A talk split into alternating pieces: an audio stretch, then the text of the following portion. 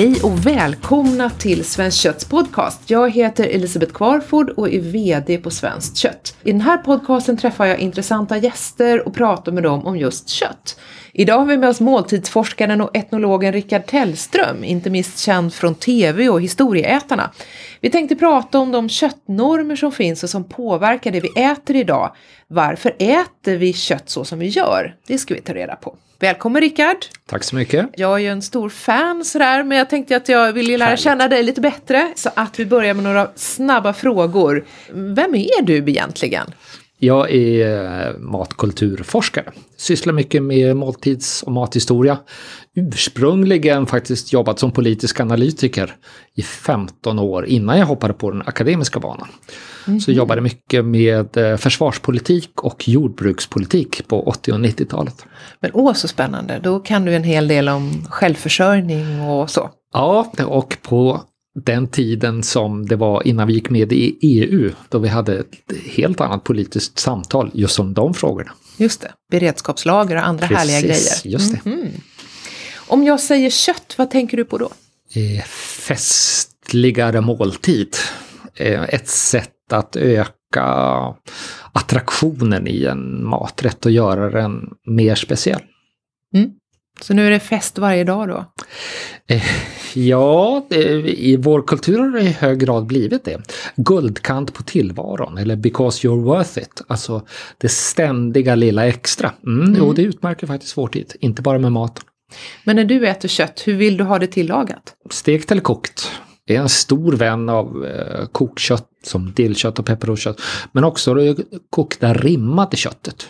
Mm. Eh, gillar kanske egentligen till exempel då rimmad oxspringa och rimmad fläsklägg mer än det färska köttet. Om det ska kokas. Mm. Alltså. Jag åt en alldeles utmärkt rimmad oxspringa idag till, ah. till lunch. Härligt, ja. Mycket gott ja. faktiskt.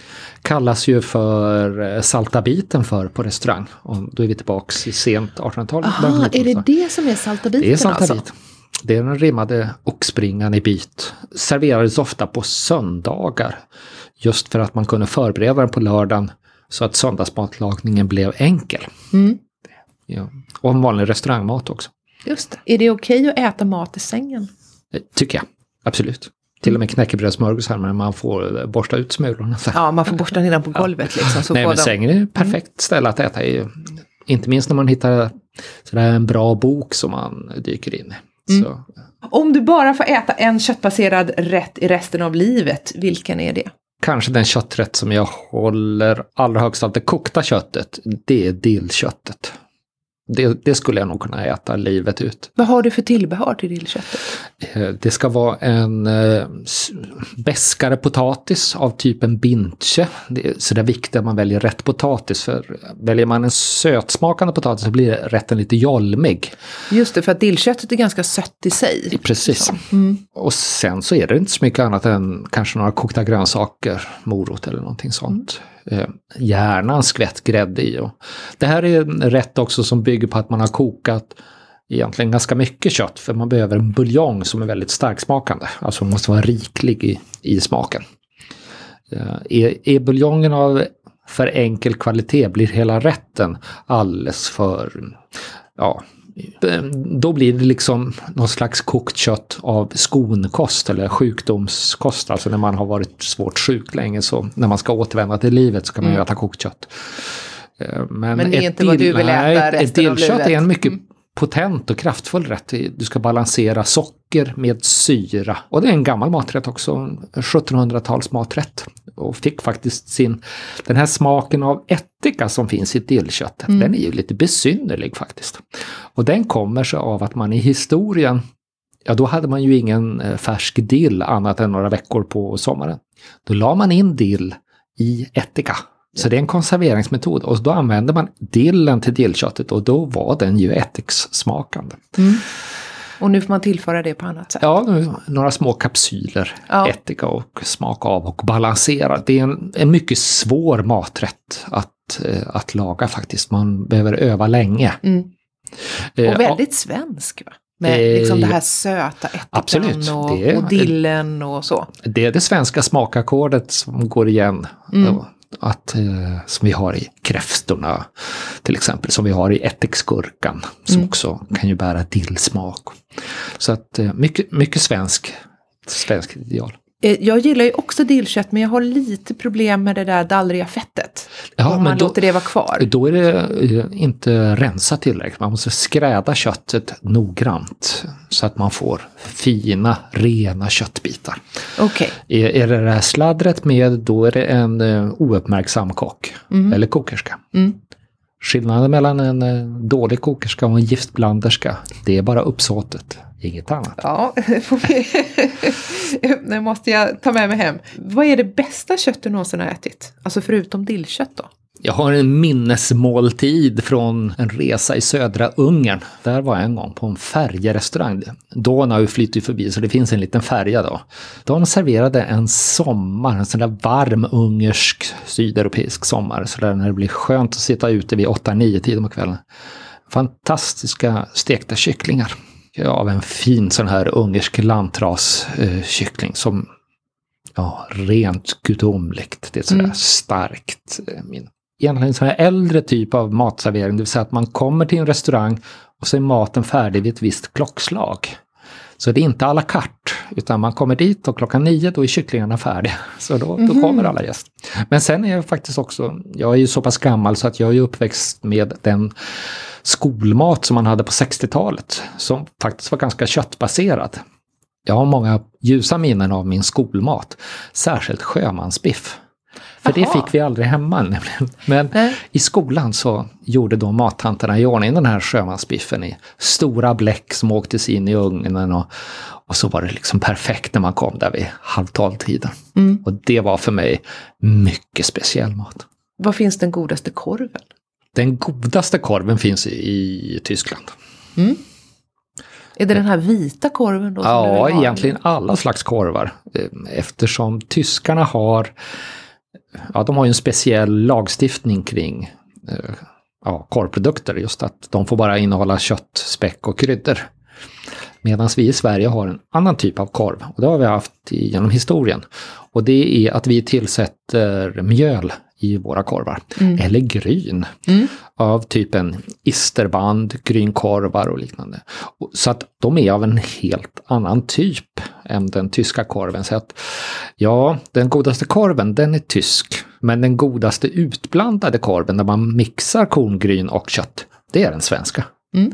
Därför att vi är oerhört duktiga på att just eh, blanda ihop det till isterband, grynkorvar. Jag skulle också peta in pölsan i samma kategori, alltså att man blandar kött och korngryn.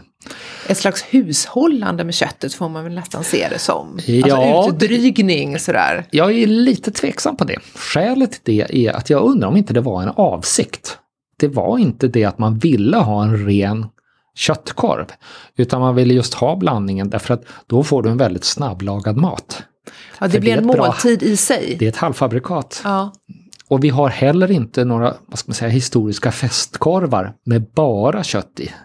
Vilket man skulle kunna tänka sig att vi då skulle haft om det var en utdrivningstanke. Men även våra julkorvar bygger på att man har i Just det, eh, potatis. potatis ja. eh, men också då gryn och mjöl av olika slag. Så jag skulle säga att det är vår svenska variant. Så vi ska absolut inte ta bort dem utan tvärtom eh, lyfta upp dem och lyfta fram dem för de är, de är mycket speciella. I synnerhet de syrade korvarna som Mm. isterbandet som har ju funnits då i varianter över hela landet. Spännande. Nu är ju de på väg tillbaka egentligen, de korvarna. Alltså olika charkföretag som börjar eh, sätta in grönsaker då istället, eller rotfrukter Ja, och, ja, och så. Mm, Eh, ny, ny typ av korv. Eh, enligt svensk tradition. Enligt svensk tradition. Ja, Mm. ska jag säga. Om du var landsbygdsminister, vad skulle det vara det första som du skulle ta tag i då? Det skulle vara att införa det kulturella begreppet också i mat och livsmedelsproduktion och inte tänka näring primärt. Utan utgå ifrån att människor använder mat och dryck för att uttrycka idéer om sig själva och liknande. Så det innebär, om man ska bli ett fantastiskt matexporterande land, som vi har ambitionen att bli, då måste vi vara väldigt duktiga på att läsa andra människors kulturella idéer. Därför människor handlar bara den mat som matchar deras tankevärld. Vi har väldigt dålig utbildning i Sverige på just matkultur. Det finns ingen matkultursutbildning. Man kan inte läsa en fil. kand i matkultur. Som mest kan man läsa tio veckor. Var går man den kursen? Grythyttan har tio veckor. Sen finns det fem veckors kurser lite runt om i landet. Men du kan inte alltså läsa ens en termin om detta viktiga som vi människor gör under hela vårt liv var tredje, fjärde timme. Förstår man inte varför människor ja, helt enkelt äter och dricker, utan tror att det gör vi för att inte dö, då kommer vi aldrig kunna sälja någonting. Vi kommer inte förstå varför de handlar olika saker. Mm. Varför de handlar vissa saker på vardagar, på helgen. Varför man handlar vissa saker när man är 20-25 år. Varför man ändrar sig när man är 35 och ändrar sig när man är 55. Alltså att förstå den här dynamiken som ligger i maten, att den faktiskt är en budbärare om våra egna värderingar. Så jag skulle som landsbygdsminister och jordbruksminister sätta mig med utbildningsministern och säga hur ska vi lösa det här? Därför att det här är en utbildningsfråga. Det är en sak som vi har exporterat och jobbar mycket på att exportera, det är ju det här med fika. Ja, det är väldigt stort och mycket stort intresse världen över. Och, och, där det ju till och med finns en stor eh, kafékedja i, eh, i USA. Just det. Som just heter Fika, eller New York framförallt är ja. det som den är, är etablerad. Ja. I Minneapolis på Svenska Amerikanska institutet där så heter deras restaurang Fika. Mm -hmm. Faktiskt. Att, ja. Och det man intresserar sig för är dels att vi gör ett arbetsavbrott och dricker kaffe eh, och äter någonting till. Mm. Eh, det är rätt ovanligt sådär generellt sett. Men det som är ju riktigt speciellt med fikat eh, och som intresserar just världen i stort, det är det att vid fikat så träffas alla på en avdelning, från chefen och neråt och sitter vid samma kaffebord. Det ah. gör man inte någon annanstans i världen och det är Nej. ett uttryck för vårt jämställdhetstänkande och att eh, vid en morgonfika ska högste chefen kunna sitta och tala med den eh, lägst rankade anställde om hur helgen har varit eller hur var det. Så mm. det är en speciell social institution som manifesterar våra värderingar verkligen. Just det, en del av den svenska modellen helt enkelt. Ja, det skulle jag nog säga faktiskt mm. att det är. Ska gå vidare och prata om just så här, köttets roll i, i svenska måltider. Men jag tänkte att först så ska vi, så undrar jag så här, vad är en måltid? Vad, vad går gränsen mellan eh, mellis på, på språng och en måltid? Alltså jag är ju då av den här, vad ska man säga, liberala uppfattningen och kanske kulturella uppfattningen att allt som vi äter är måltider. Sen är de olika stora. Och anledningen till att allt är måltider, det är att de omfattas av samma kulturella idé. Alltså om kombinationer och vad som passar ihop och när man ska äta en sak och när man äter annat. Så egentligen är det samma idé som är igång hela tiden. Att även om du äter en, någonting på språng så är det inom ramen för matkulturen och måltidskulturen. Det är inte så att du plötsligt äter grannens katt bara för att du är på språng. Du äter någonting som ligger inom ramen för en mellanmålstanke. Mm. Det är räven som äter grannens katt det... när den är på språng. Precis, den gör det på språng. Just det här med på, på språng, eh, är, det, är det typiskt svenskt att vi aldrig kan tänka oss att vara hungriga, utan alltid måste stoppa i oss någonting? Jag tycker ja, att vi det, äter hela tiden. Ja, det skulle jag säga. Det finns studier som visar att vi äter hela tiden och vi är väldigt rädda för att vara sugna och inte få tillfredsställa det här behovet på en gång. Mm. mm. Det, vi skiljer oss från de stora traditionsmatkulturerna. Ta den franska till exempel, där man äter vid mycket bestämda klockslag och då äter man en komplett måltid med förrätt, varmrätt och dessert. Medan vi äter nästan hela dygnet som vi är vaken. Mm. Det är lite grann samma som att äh, människor äh, går omkring och dricker vatten. Jag har frågat mina studenter också, för de har ju vattenflaskor alla vid sina, vid sina bänkar då. Äh, och jag har frågat dem varför de, varför håller ni på och dricker hela tiden? Jo, det är för att de ser att vara törstig som någonting onormalt. Man får inte hamna i törst. Aha. Utan det gäller att förekomma törsten. Och enda sättet att förekomma törsten det är ju att dricka hela tiden. Mm. Det är en, en speciell eh, tidsanda. Av överflöd? av överflöd och att det ska tillfredsställas på en gång. Mm. Vi är ju världens mest individualiserade och sekulariserade folk. Och det gör då att vi äter också på det sättet. Och det är också någonting som är viktigt om man ska tänka sig matexport. För då exporterar man till länder som kanske har en traditionsmatkultur. Och de vill ha helt andra produkter än vad vi tycker om. Mm.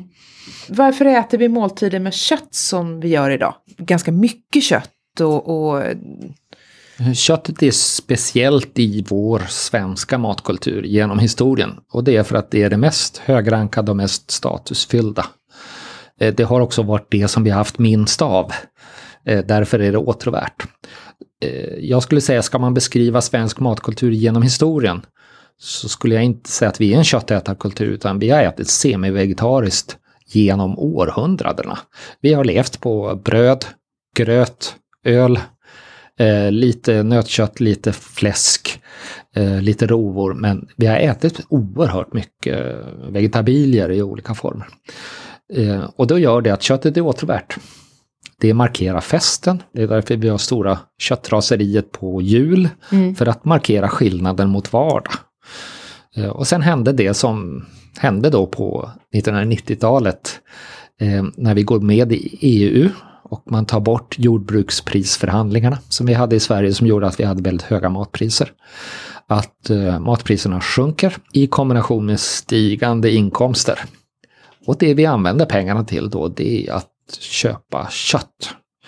Och jag skulle säga att den största köttökningen som är kanske allra mest besynnerlig också, det är inte nötkött eller fläskköttet, utan det är faktiskt kycklingen. Mm. Som Går vi 50-60 år tillbaks i tiden så åt vi i Sverige kanske ett halvt kilo kyckling per år. Kanske ett eller någonting sånt. Och då är vi tillbaks på 50-60-talet. Det är väl vad vi får i oss på en vecka nu känns det Ja, nu ligger det på drygt, eller runt 20 kilo ja. per svensk och år. Mm. Så att den största förändringen skulle jag säga är, är på det köttslaget. Och sen har då det som var stort på 50-60-talet, eh, fläskköttet, eh, det har sjunkit. Mm. Idag kan man ju inte tänka oss att äta grävling. Jag har aldrig hört talas om just grävling som råvara eller att någon vågad restaurang skulle servera grävling. Liksom. Ja, alltså, häst är väl liksom det närmaste som, som någon tycker att Åh, nu, är vi, nu är vi spännande ja. och så. Men så har det ju inte alltid varit i Sverige vad gäller grävlingen just. Nej, det är, ju ett kött som har ätits och inte minst bland de som inte har haft alltså tillgång till jord och mark. Det man kan säga, och som man kanske inte sådär självklart tänker på, det är ju det att ska man kunna äta kött i form av gris, eh, får, get och ko, så krävs det faktiskt att du är jordägare. Det innebär att de människor som inte i historien var jordägare, de fick äta då andra slags kött.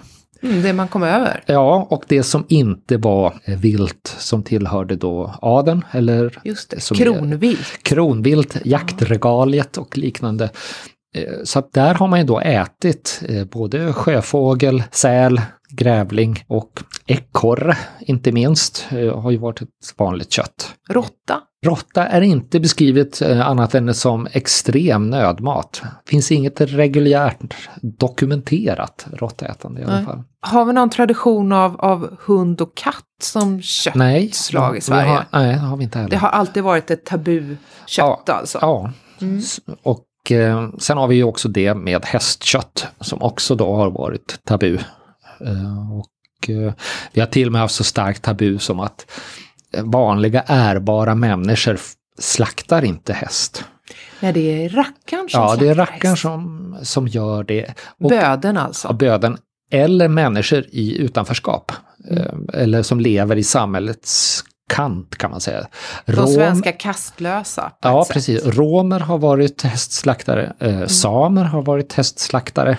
Eh, så att vi har hela tiden den här indelningen i, i, i maten som vi då gör. Mm. Och som är föränderlig över tid. Inget är för evigt. Just. Eh, vi har faktiskt gått ut på stan för att fråga konsumenter ja, vilka sorts kött som de tycker är acceptabelt. Vi ska höra här. Vad skulle du kunna tänka dig att äta av följande? Mm. Hund? Nej. Kanin? Nej. Marsvin? Nej. Katt? Nej. Råtta? Ja, fy fan. Delfin? Nej. Varg? Nej. Är det något annat köttslag som du normalt inte äter som du skulle kunna tänka dig att käka? Ja, men det här är ju lite intressant faktiskt. Jag är sån som inte vill veta egentligen vad jag äter för kött på tallriken. Alltså, mm, oftast när man blir serverad någonting så, så här serveras det väldigt fint och här har vi den här delen av köttet och den är så extra mör, bla bla bla bla. Och jag tänker nej, så här, åh skippa det här nu för snart vänder jag och säger att jag vill ha något eh, vegetariskt istället. Jag tycker kött är gott, ja. Det är inte att jag är vegetarian, men det, det går för lätt att få bilder framför sig. Så att nej, en hund, en katt, ett marsvin som mina barn leker med hemma och myser med kan jag inte äta. Hund? Nej. Kanin? Jag har ätit. Marsvin? Jag har ätit. Katt? Nej. Råtta? Det verkar inte nej. Delfin? Nej. Varg? Nej. Är det någon annan eh, köttsort eller något djur som du skulle kunna tänka dig att käka? Kanske orm. Orm? Faktiskt. Ja. Jag vet inte. Jag gillar inte orm, men något... Jag vet, det, det, alla säger att det är så gott. Vet inte. Och rent.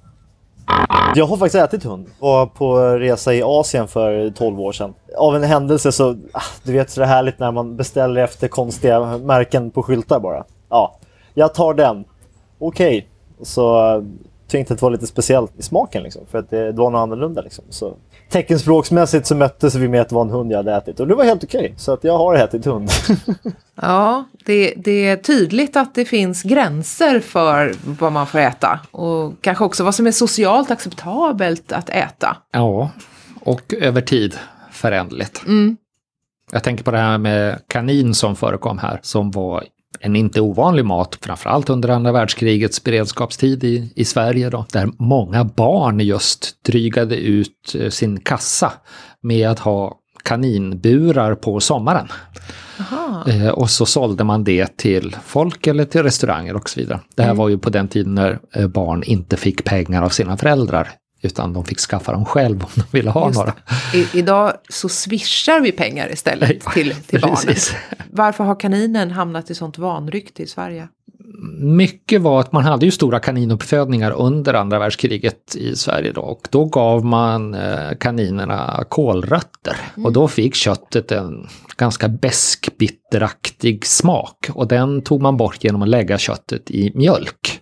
Men man fick inte ur det helt. Eh, Men däremot en kanin som är uppfödd på gräs och maskrosblad är ju delikat. Ja, jag tycker kanin är gott. Ja, det är ätit väldigt goda patéer gjorda på fint kaninkött. Så att det måste ju tillagas ordentligt. Är, är det en dålig kock eller kokerska så är det en, en styggelse. I vår måltidskultur, alltså om man ska titta på den svenska, hur, hur ser det ut för köttet där? Liksom, just nu, liksom statusen, framtiden. Så. Eh, hög status. Vi äter det vid fester. Eh, Vi äter det till vardags mycket. Köttätandet ökar. Det är väldigt eh, viktigt för oss. Det har förmodligen aldrig varit så stort intresset som, som det är nu. Eller åtminstone har det inte kunnat uttryckas på det sätt som det gör idag. Att vi har den här stora tillgången på köttlivsmedel av olika slag. Jag upplever att det finns ett större intresse för att få veta varifrån köttet kommer. Mm. Alltså något som, jag menar på, på 80-talet, då behövde man inte tänka på var köttet kom ifrån för att det, det var en icke-fråga, det var svenskt. Det var svensken fanns inget Eh, och sen så kom den stora köttfesten och då var det bara härligt. Och så mycket billigt kött Mm. och så. Medan det nu så lite orostider, vi vill känna oss trygga och, och så. Och då är också liksom köttets ursprung någonting som har kommit att betyda mer och mer. Det är ju intressant de saker som du tar upp eftersom de handlar ju om köttkvalitet då. Och eh, vår kvalitetsuppfattning på kött var ju, om vi går 30-40 år tillbaka i tiden, så var kvalitetsuppfattningen att vi var glada åt att ha kött och så var det bra med det. Sen har vi fått det stora gastronomiintresset eh, sen 90-talet och framåt, vilket gör då att konsumenten då efterfrågar fler slags olika kvaliteter på alla slags produkter. Eh, inte bara kött utan öl, bröd, Eh, grönsaker och så vidare. Det finns ett stort intresse hos konsumenten därför att konsumenten idag är skickligare att bedöma kvalitet. Men svensk köttnäring har egentligen av tradition inte intresserat sig för andra kvaliteter än egentligen naturvetenskapligt mätbara. Vi har till exempel i allmänhet ingen märkning av kött om det är eh, ko, kviga eller stut. Vi har ingen märkning på vilket djurslag det är. Vi har ingen märkning av kött hur länge det har eh, hängt. Man skulle kunna tänka sig att vi skulle kunna ha lika många köttkvaliteter ut utmärkta på en förpackning som vi har till exempel på en vinflaska. En tysk vinflaska tror jag innehåller 12 olika kvalitetsmärkningar. Alltså det är vilken druva det är, när den är plockad mm. och vilken fabrikör och, och så vidare. Eh, medan köttet fortfarande är väldigt anonymt. Och det där skapar lönsamhetsproblem skulle jag säga för, för köttindustrin. För häller man allt kött som man producerar i samma bytta, i samma binge eller samma container, då får man betalt för det sämsta köttet i den bingen. Mm. Du vill ha en större differentiering? Ja, för det, det är så till exempel om vi har vinproduktionen då. Mm. Där skiljer ju en vinproducent när man plockar druvorna utifrån deras kvalitet, för de kan bli till olika viner. Och jag kan tycka kanske att svenska köttproducenter går miste om stora inkomster för att man häller allt i samma bytta. En större Spännande. differentiering skulle förmodligen tas emot positivt av konsumenten idag, för konsumenten är intresserad av diversitet. Mm. Och jag kan tänka mig till exempel att man för en vardagsmåltid så kan jag betala ett lägre pris för jag ska till exempel bara göra en vardagsmat som är, inte är så märkvärdig eller omständlig. Men sen kanske vill jag till fredag ha ett helt annat kött och då är jag beredd att lägga på 100 kronor kilot. Mm. Därför att jag har en annan måltidskulturell situation. Och sen kanske jag har en bjudning på lördag där du kommer. Och då vet jag att du tycker att kvigkött är det bästa. Och då ser jag ju till att skaffa det för att uppmärksamma dig. Då. Eh, diversifierar man eh, kvaliteterna och, och ser dem faktiskt som vinetikettsmärkningar och har kanske 12 olika kvaliteter på en köttförpackning så kan man också variera priset och få bättre betalt för det som är kanske mer omständligt tillverkat. Medan det som är enklare tillverkat har ett lägre pris som vi har på egentligen alla andra produkter. Jag tror att det är på gång. Det håller på att hända saker. Jag pratade med eh, en säljare på Fällmans kött som berättade att för, för typ så fem år sedan så hade de kanske två sorters gris att erbjuda mm. restaurangerna. Just det. Nu hade de elva olika sorters ja. svensk gris. Mm. Olika storlekar, olika raser, olika uppfödningssätt mm. och och sådär. Jag tror att man får börja på restaurangsidan liksom, och sen Absolut. gå vidare. Tack vare de här taggarna som sitter i eh, djurens öron, de här gula taggarna, mm. så har vi ju möjlighet att eh, egentligen veta allt om djuret som ligger i den här förpackningen. Ofta står det bara anonymt ett, ett långt nummer med, är det 12 eller 14 siffror eller någonting sånt.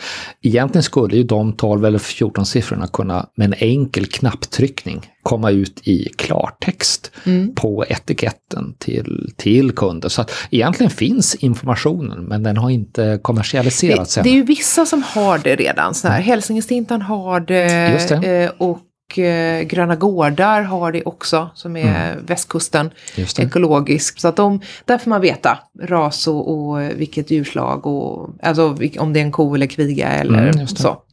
Så att eh, får väl se om det, om det sprider sig. Jag skulle gissa att om vi träffas igen om tio år mm.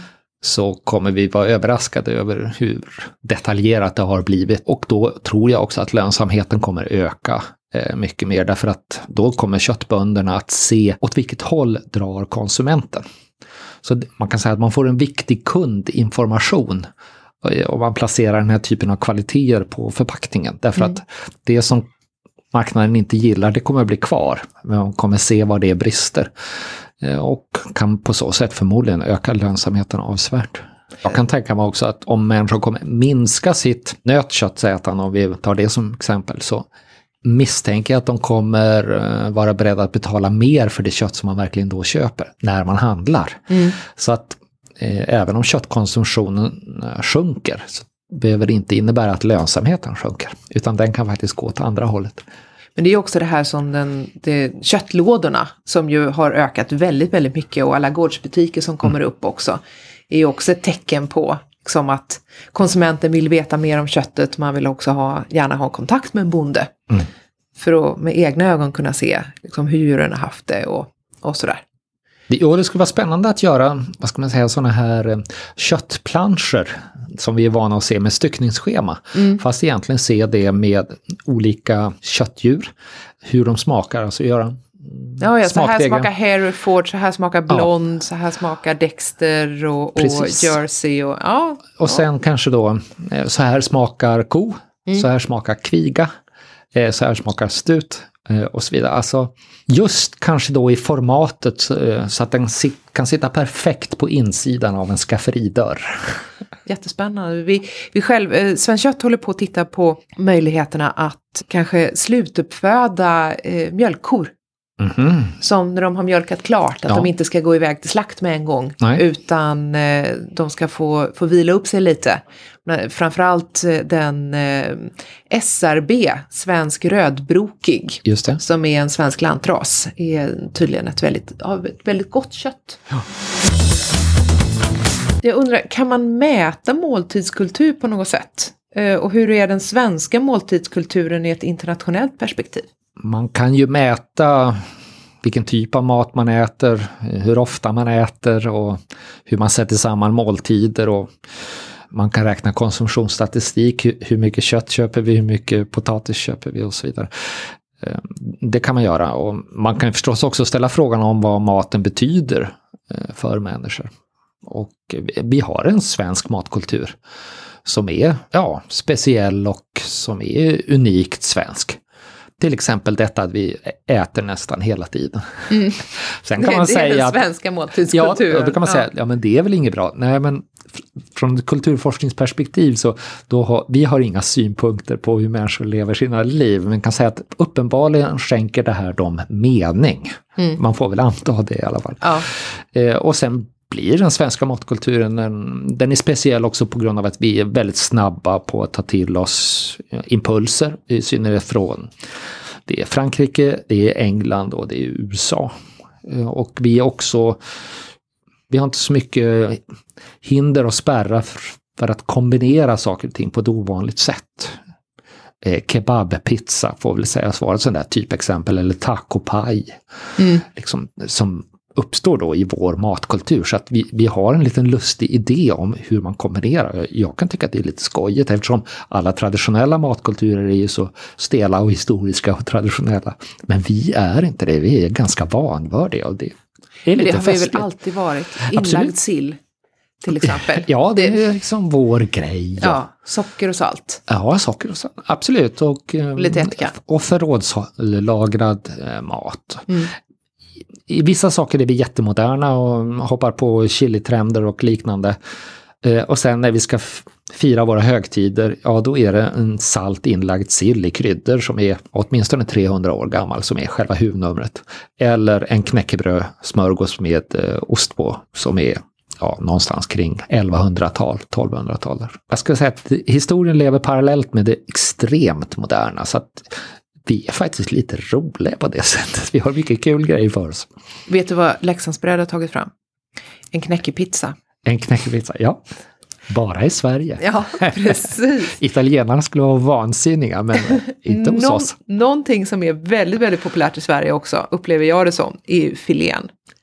Ja, Eh, varför är vi så tokiga i filé och varför ska vi ha en köttbit som, inte, som vi nästan kan, liksom, inte behöver några tänder för? Är det därför den är så populär? Jag skulle gissa att den åtråvärdheten ligger i att den är så ovanlig och svår att uppnå. Så det är en sån liten del av djuret så att eh, liksom, Och det avviker från vardagsätandet av kött. Eh, Svenskt kött har ju dessvärre av historisk tradition varit ganska hårt. Det vill säga att det har lämpat sig bäst egentligen för att koka. Eh, Vi har inte haft något stekkött som har liksom blivit mört. Kanske är det därför vi älskar köttfärsen så mycket. För att den är så mör, helt enkelt, för att den är ju mald. Eh, Så att därav kommer också filéintresset. Och filén är ju ovanlig och ja, vi uppfattar den som väldigt festrik och med hög status. Eh, Så att eh, ja, vi letar filéer i allting. Jag har till och med sett en burk med paprikafilé. Alltså utskuren paprika när man Ja, tagit av ja, skalet. just det. Just Men den det. säljs under namnet paprikafilé. Ja. Någon som vet väldigt mycket om filé är Maria Lundesjö som har doktorerat i köttvetenskap. Eh, och hon eh, återkommer här i podcasten varje avsnitt och eh, hon har en hel del att säga om filé. Nu ska vi prata om filé. Varje djur har ju två filéer. Det gör ju att utbudet är något begränsat. Vi slaktar ungefär 400 000 nötkreatur i Sverige per år. Det gör att vi får fram 800 000 oxfiléer. Det är ju en av anledningarna till att vi importerar mycket filé, eh, att vi har en större efterfrågan än vad utbudet av svensk filé är. Eh, när det gäller grisar så slaktar vi ungefär 2,5 miljoner eh, grisar per år. Det ger 5 miljoner filéer. Och vi äter ju mer än 5 miljoner filéer i Sverige. De importerade filéerna kommer i huvudsak från Danmark. När det gäller filén så att den är så mör beror på att den sitter på insidan av ryggraden. Det är en muskel som inte används särskilt mycket av djuret. Den sitter mest där och gonar sig eh, och har inte så jättestor funktion. Den innehåller väldigt lite bindväv och eh, förhållandevis lite fett. Och det är den här låga bindvävsmängden som gör att den är så mör. Eh, filé har också ganska tunna köttfibertrådar. Eh, så att det är en av anledningarna till att det är lätt att skära, skära av köttfibrerna just på filén, är att de är ganska tunna. Hur många filéer finns det egentligen? Vi säljer ju många slags filéer från olika djur, framförallt på gris kanske. Där finns det ju ytterfilé och innerfilé och det finns filékotlett och alla möjliga olika slags beteckningar. Det har väl blivit så att filé har blivit någon slags benämning för det finare köttet. Men ytterfilé på gris är precis samma muskel som kotlett. Fast den är utan ben och den är även ibland delad på mitten för att den ska se ut mer som en filé. Men muskeln på en ytterfilé är longissimus dorsi och det är det även på en kotlett. Om vi nu ska prata så här mer framtid och, och framtidens köttbaserade måltid. Kan man äta vilket kött som helst? Hur tror du att en eh, veckomatsedel ser ut för eh, måltiden i ett genomsnittligt svenskt hem eh, 2030? Alltså förutsäga framtiden när det gäller mat är nästintill hopplöst. Det, det är väldigt svårt att säga. Därför de, de faktorer som styr matkulturen allra mest, det är teknik, ekonomi och sen politik. Alltså skatter, tullar eh, Eh, och liknande. Eh, och det är lite oklart var, vad man kommer driva matkonsumtionen åt för håll. Men om man ska dra ut den matdebatt som vi har som är kopplad till klimatfråga och liknande och så låter vi den leva sitt eget liv fram till 2030 så kan man nog tänka att vi kommer äta mindre köttproteiner men däremot i större variation. För idag har vi ju egentligen, det är tre stora eh, köttslag. Nötkött, eh, fläskkött och kyckling då i Sverige. Eh, vi äter också lammkött men det är inte särskilt mycket. Eh, det man kan tänka sig det är ju att vi börjar äta fler köttslag, vilket vi gjorde i historien. Där vi hade mycket, mycket bredare palett av olika slags eh, köttdjur då, eh, och fåglar inte minst. Då, fågel. Eh, så att jag skulle kunna tänka mig kanske att variationen blir större. Eh, och att vi förmodligen kommer äta mer fågelkött. Men det finns ju annat än kyckling. Och i Sverige har vi till exempel ganska få kycklingraser. Det är två stora som står egentligen för 95% av all kyckling. Men drar vi oss ner till Frankrike då till exempel så kan du i en välsorterad slakteributik hitta tio olika slags kycklingraser. Och sen då andra fåglar också. Så att eh, man kan väl tänka sig att fortsätter matintresset så vill man ha större precision. Och det ger också då större variation. Eh, Och kommer folk att minska sitt köttätande i mängd så kommer man, givet att vi har samma ekonomiska utveckling, att faktiskt ha mer pengar att lägga på det kött som man väl köper. Så att det behöver inte påverka branschens lönsamhet utan kanske också en större vad ska man säga, variation och därmed mindre känslighet för dåliga konjunkturer. Eh, och man kan också tänka sig att vi har ju ett mål att bli eh, en större exportnation. Och ska vi bli en större exportnation så måste vi eh, producera det kött som andra äter. Inte det som vi själva äter. Och världens köttkonsumtion ser ju annorlunda ut. Man äter till exempel mycket mer olika slags fåglar. Bara vi kommer ner på kontinenten, vi behöver bara ta oss till Danmark, så är Anka och... Ja, jag tänker på julbordet i Danmark. Detta grisproducerande land. Eh, de har anka på julbordet, eller mm. ande.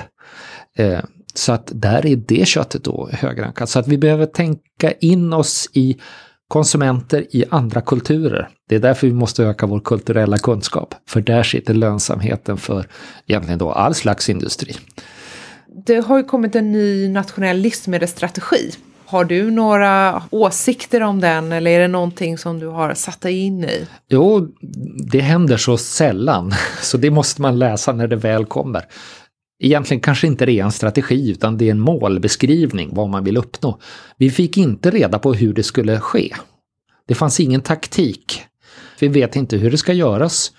Det återstår att se alltså? Vad, det åter, vad som, ja, det återstår mm, att se vilket är... Det är synnerligen allvarligt att man har, kan jag tycka, misskött att ta fram en taktik. Och att man inte förstår att man kan inte presentera mål och strategi utan en taktik samtidigt. Man måste beskriva hur ska det göras. Annars blir det det att ehm, svensk eh, livsmedelsproduktion och svenska konsumenter lämnas därhän igen. Man kan ställa sig frågan, vad är det vi betalar skattepengar för när det går till löner för de som jobbar fram saker och ting utan att det blir verklighet? Ett litet slöseri med skattemedel skulle jag säga. Och också ett slöseri med det politiska verktyget eftersom just matkulturen drivs så mycket av politik. Så politiken är så extremt viktig i det här området. Så jag tycker det är slarvigt arbete. Egentligen kan man inte säga gå hem och göra om, utan det här borde ni ha gjort från början. Jag tror inte man kommer hinna göra någon taktik innan valet nästa år. Utan, Nej, det tog ju väldigt lång tid att få fram det här, den här målbilden. Absolut, utan vi har nu risken att vi har en ny regering som kommer då göra en ny utredning, en ny strategi och så har vi förlorat jättemycket tid. Så att mitt råd till svensk livsmedelsproduktion det är att producenterna, ni måste göra arbetet på egen hand. Ni får inget stöd från regeringen. Men vänta heller inte på regeringen, utan uh, kör på egen hand och tolka hur världen är. Och man kan säga det att vi kommer ändå vara underkastade EUs regler. Och de är både taktik och strategi. Tack Rickard! Du har ju fått lära oss idag att eh, den där grävlingen som du kanske kör på är någonting som du inte behöver lägga åt sidan utan den kan lägga in i bagageutrymmet och ta hem. Vi har fått lära oss att eh, livsmedelsstrategin är fluff och att att eh, vi alla älskar att sätta guldkant på tillvaron med kött. Det var allt för idag. Synpunkter och tips tar vi gärna emot på exempelvis Twitter där vi heter hashtag svenskt kött eller att svenskt kött eller på vår Facebook-sida som också heter svenskt kött. Tyckte du om Köttpodden så sätt gärna ett betyg eller skriv en recension på iTunes eller där du hittade den. Vi hörs snart igen.